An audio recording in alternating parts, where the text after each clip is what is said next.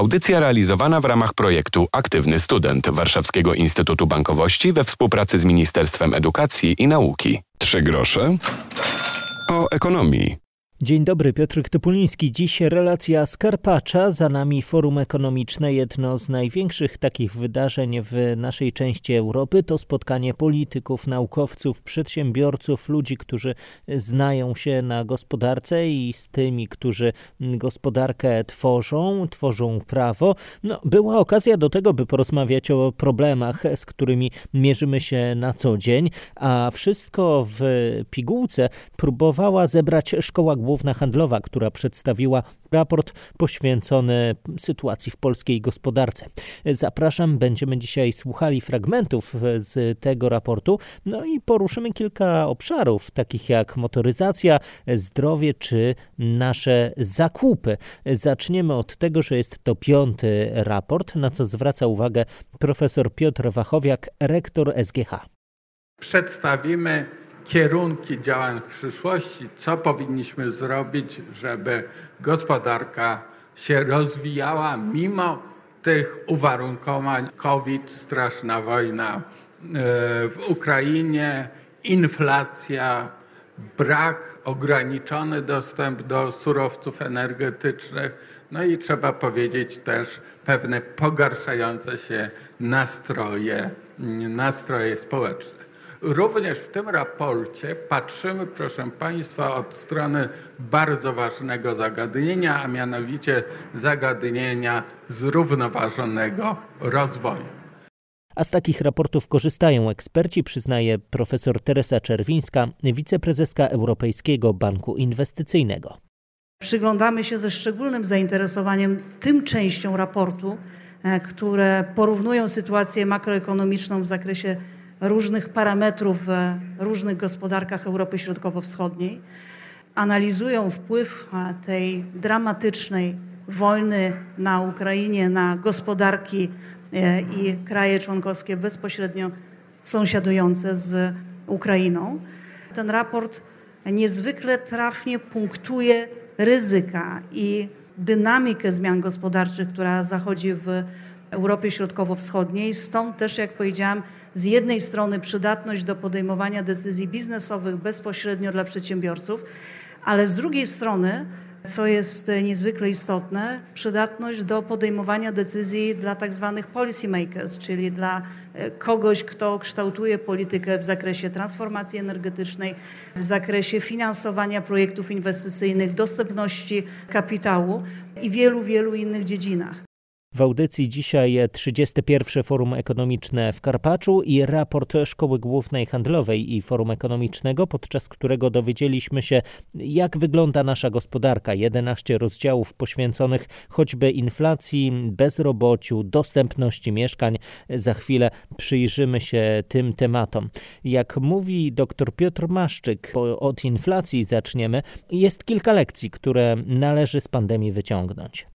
Jak kraje członkowskie radziły sobie z wyborem, z którym zostały skonfrontowane, czyli z wyborem pomiędzy ochroną życia i zdrowia ludzkiego, a utrzymaniem dotychczasowej aktywności gospodarczej, tempa wzrostu gospodarczego i liczby miejsc pracy. Wszystkie kraje świata, no ale akurat my badaliśmy Unię Europejską, stanęły w obliczu takiego negatywnego sprzężenia zwrotnego, które groziło tym, że obu celów nie da się zrealizować. Nie da się jednocześnie utrzymać dotychczasowego tempa wzrostu gospodarczego, obronić liczbę miejsc pracy i e, ograniczyć do minimum liczbę nadmiarowych zgonów. E, I nasz zespół analizował to, jakie strategie zostały przyjęte w krajach Unii Europejskiej. To jest element tego, co się nazywa po angielsku evidence-based policy. To znaczy badamy jak było, żeby się nauczyć, bo wiecie Państwo co? W pieśni piątej, której tytuł 24 stał się niezwykle aktualny, mistrz Czarnolasu napisał, że Polak nie powinien sobie kupować nowej mądrości, że i przed szkodą i po szkodzie głupi. W związku z tym, jeśli nie będziemy wyciągać z wniosków z tego, co było, no to niczego się nie nauczymy. To nasza polityka dalej będzie suboptymalna albo będzie suboptymalna. Polska przez okres pandemii przeszła jako, przynajmniej jeśli chodzi o wyniki gospodarcze, jeden z krajów, który może się sytuować na czele Unii Europejskiej. Skala recesji w roku 2020, czyli w tej nieantycypowanej fazie pandemii, była jedną z najmniejszych, zdecydowanie mniejsza niż w krajach starej Unii Europejskiej. Z kolei tempo odbicia gospodarczego w 2021 roku było znacznie wyższe. Polska jest jednym z niewielu krajów, któremu się udało mm, dzięki no, dosyć imponującemu tempu wzrostu gospodarczego w 2021 roku przekroczyć poziom PKB z końca roku 2019. Co szczególnie istotne, udało nam się również obronić liczbę miejsc pracy. Pandemii nie okupiliśmy wzrostem bezrobocia ani wzrostem liczby osób, które pracują, ale za to niestety zapłaciliśmy za pandemię wzrostem inflacji. To teraz rozgośćmy się w mieszkaniach, naszych lub nie naszych. Dr Adam Czerniak zaznaczał, że nie zdawał sobie nawet sprawy z tego, jak ważna podczas prac nad raportem stanie się kwestia dostępności finansowej mieszkań. Mówiąc dostępność finansowa mieszkań, chcieliśmy nieco bardziej rozwinąć wątek niż tylko proste porównanie cen nieruchomości do dochodu. To oczywiście zrobiliśmy, ale zrobiliśmy coś więcej. Zobaczyliśmy, na jakie mieszkanie stać osobę o przeciętnych dochodach, jeżeli chce na to mieszkanie zaciągnąć kredyt. Czyli jak duże mieszkanie może kupić typowy Polak, typowy Bułgar, typowy Czech za swój dochód. Wnioski? Pierwszy, najważniejszy, zróżnicowanie dostępności dochodowej, czyli relacja ceny do dochodu jest bardzo zróżnicowana między krajami. Polska jest gdzieś po środku. Drugi wniosek, we wszystkich krajach, za wyjątkiem właściwie tylko Rumunii, dostępność dochodowa spadała, co oznacza, że ceny nieruchomości rosły szybciej niż przeciętne dochody rozporządzalne obywateli. I to jest wniosek na 2022. Mamy dostępność kredytową mieszkań. Zmiany były dużo bardziej zróżnicowane. W niektórych krajach dostępność kredytowa rosła, tam gdzie łagodzono parametry polityki pieniężnej, a także polityki makroostrożnościowej, były kraje, gdzie malało. Polska jest tutaj po lewej stronie, ma najniższą dostępność kredytową mieszkań i co więcej, pomiędzy 2016 a 2021 rokiem dostępność kredytowa mieszkań nie zmieniła się, co oznacza, że typowy Polak mógł stale kupić to samo mieszkanie. To jest bardzo negatywny wniosek na przyszłość, bo w momencie, kiedy kończyliśmy badanie, przyszedł rok 2022 i wstępne informacje za rok 2022 sygnalizują, że ta dostępność gwałtownie spadła na skutek równoczesnego podniesienia stóp procentowych i zaostrzenia parametrów polityki makroostrożnościowej. A dzisiaj Karpacz, Forum Ekonomiczne w Karpaczu i rozmawiamy o kilku różnych obszarach, które zmieniły się w ostatnim czasie w gospodarce. Szkoła Główna Handlowa, jak zawsze, e, próbuje opisać, co się dzieje w gospodarce w Polsce, jakie są najważniejsze problemy i co udało się w ostatnim czasie zrobić. Profesor Marzenna Cichosz jest e, członkinią zespołu, który przygotował e, trzy scenariusze, jak może wyglądać transformacja energetyczna w kontekście samochodów osobowych. Czy czeka nas zielona rewolucja? W pierwszym scenariuszu, nazwaliśmy go bazowym, założyliśmy, że systematycznie rośnie liczba pojazdów. Trochę tak, jak rosło to do tej pory. W 2030 roku mielibyśmy w tej sytuacji milion samochodów elektrycznych, bateryjnych i hybryd typu plug-in. Drugi scenariusz, który opracowaliśmy, to jest scenariusz niższego zainteresowania pojazdami elektrycznymi. Myśmy go nazwali, że to elektryk nie będzie taki cool. Dlaczego? Do głosu dochodzą sceptycy, którzy mówią, że mało mamy stacji ładowania, długo trzeba samochód ładować, a tak w ogóle energia elektryczna w tych stacjach to wcale nie jest zielona. Jeśli ten scenariusz miałby miejsce, wówczas w 2030 roku mielibyśmy 700 tysięcy elektryków. Trzeci scenariusz, który podjęliśmy e, się rozważyć, to jest scenariusz trudnej sytuacji gospodarczej i niższego niż w scenariuszu bazowym zainteresowania samochodami w ogóle. To jest scenariusz, w którym przeciętnego Kowalskiego nie to, że nie jest stać na elektryka, ale jego nie jest stać na samochód. Scenariusz ten były dopiero symptomy w lutym 2022 e, roku, że coś takiego może się zadziać. Dziś widzimy, że to jest scenariusz bardzo realny.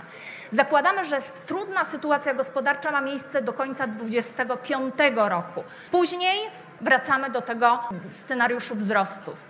W 2030 roku w tym scenariuszu ostatnim byłoby 800 tysięcy aut elektrycznych. Dla każdego ze scenariuszy policzyliśmy, jaka byłaby redukcja emisji CO2.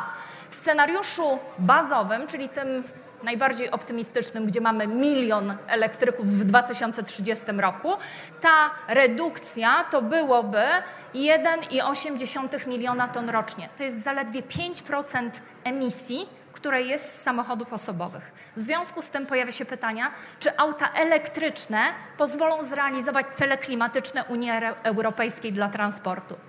Więcej w raporcie SGH.